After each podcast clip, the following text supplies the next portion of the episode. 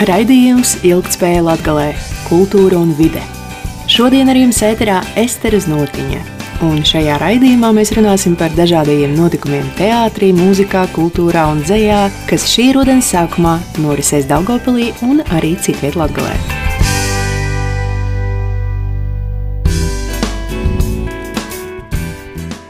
Jau vairākus gadu desmitus septembrī tiek atzīmētas dzējas dienas.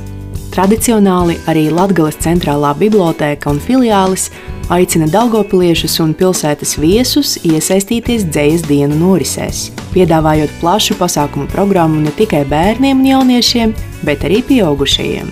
Pasākumu apmeklētājiem būs iespēja tikties ar Daugopils dzējniekiem, radoši līdzdarboties un baudīt dzējas daudzveidību.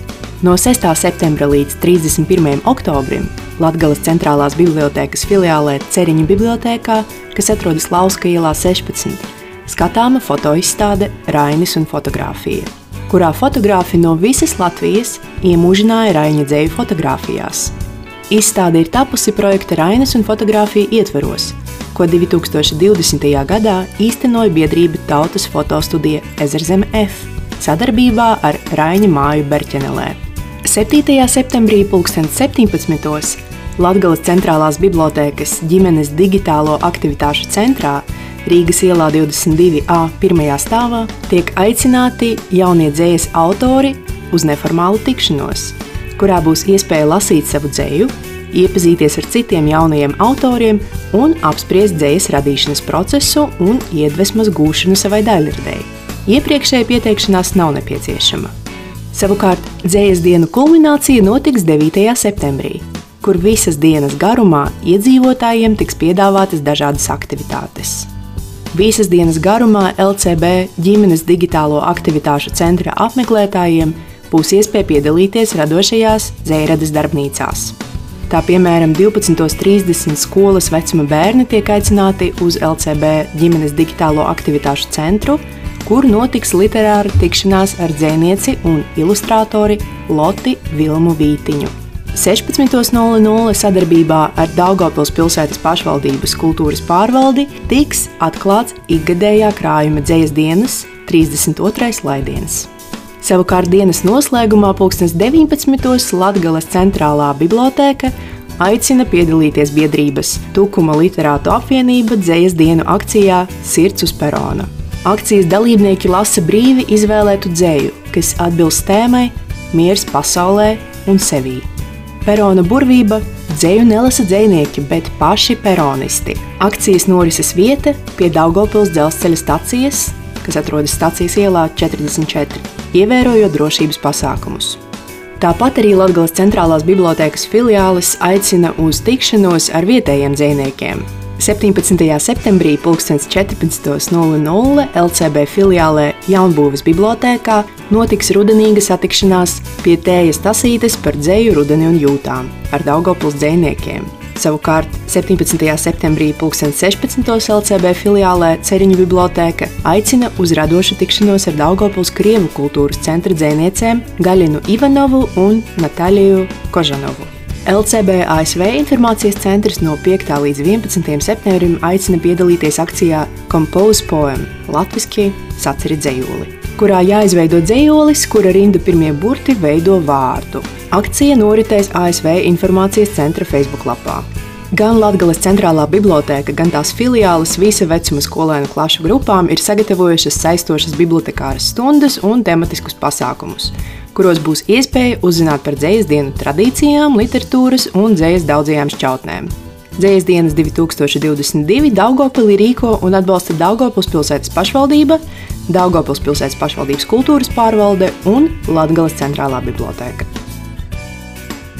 Piektdien, 9. septembrī, 18.00 Daugopils Marka Rotko mākslas centrā izskanēs kameru mūzikas koncerts Latgales Ainavas. Koncerts Latvijas ainavas ir veltīts Latvijā dzimušu, kā arī tās kultūru saistītu komponistu darbiem. Koncertā būs klausāma kameru mūzika flautei, violei un klavierēm, ko atskaņos jauneklīgais akadēmiskās mūzikas trio T43. Trio sastāvā muzicē flautiste Dārta Stašāne, violnieks Ingus Grīnbergs un pianiste Inte Klimoviča. Koncerta programmā Jāņa Ivanova, Romualda Jermaka, Jēkaba Graubiņa, Arvīda Žilinska, Renāta Stivriņas un Riharda Dubras kamermūzikas darbi, kā arī Renāta Cvičkovska veltījums trio, kas koncertā piedzīvojas pasaules pirmsaskaņojumu. Pasākums notiek biedrības Dienvidu Latvijas NVO atbalsta centrs projekta Latvijas komponistu kamermūzikas koncerti Latvijas ainavas ietveros. To finansē Latvijas valsts meži un valsts kultūra kapitāla fonda atbalstītā Latvijas kultūras programma 2022. Savukārt no 2. līdz 16. septembrim Daugopils Marka Rotko mākslas centrā norisināsies 18. starptautiskais glezniecības simpozijas Marks Rotko 2022. Septembris Daugopils Marka Rotko mākslas centrā ierasti aizrit Marka Rotko zīmē, atzīmējot mākslinieka dzimšanas dienu – un rīkojot simpoziju, kurā piedalās gleznotāji un rotko daļradas cienītāji no visas pasaules. Starptautiskais glezniecības simpozijas Marks Rotko ir populārākais notikums Rotko centra simpoziju programmā. Ik gadu tiek saņemti vairāki desmiti pieteikumu, un ierobežotais vietu skaits liek starptautiskajai žūrijai ar īpašu rūpību izvērtēt ikvienu pretendentu. Šogad simpozijiem izvēlēti mākslinieki Pauls Lozano, Sidhards Pataks, Biljana Milenkoviča, Lihi Turjamana, Amits Kalla un citi. Izvēlētie mākslinieki savā daļradē turpina iemiesot Marka Rotko idejas caur savu unikālo māksliniecisko redzējumu. Jau pavisam drīz dalībnieku veikums būs skatāms simpozija kopīgajā izstādē, kas tiks atklāta 16. septembrī 2016.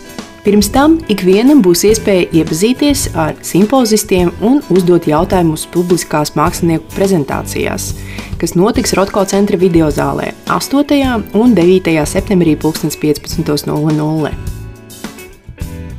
Šī gada 17. septembrī norisināsies jau par tradīciju Daugopilī kļuvušie Rīgas ielas svētki. Daugopils iedzīvotājs un viesus priecēs dažādas tematiskās meistarklases, ceļojošās izrādes, performances, gaismas instalācijas, mūzikas un mākslas priekšnesumi, dzīvās skulptūras, mīmi, karkāji.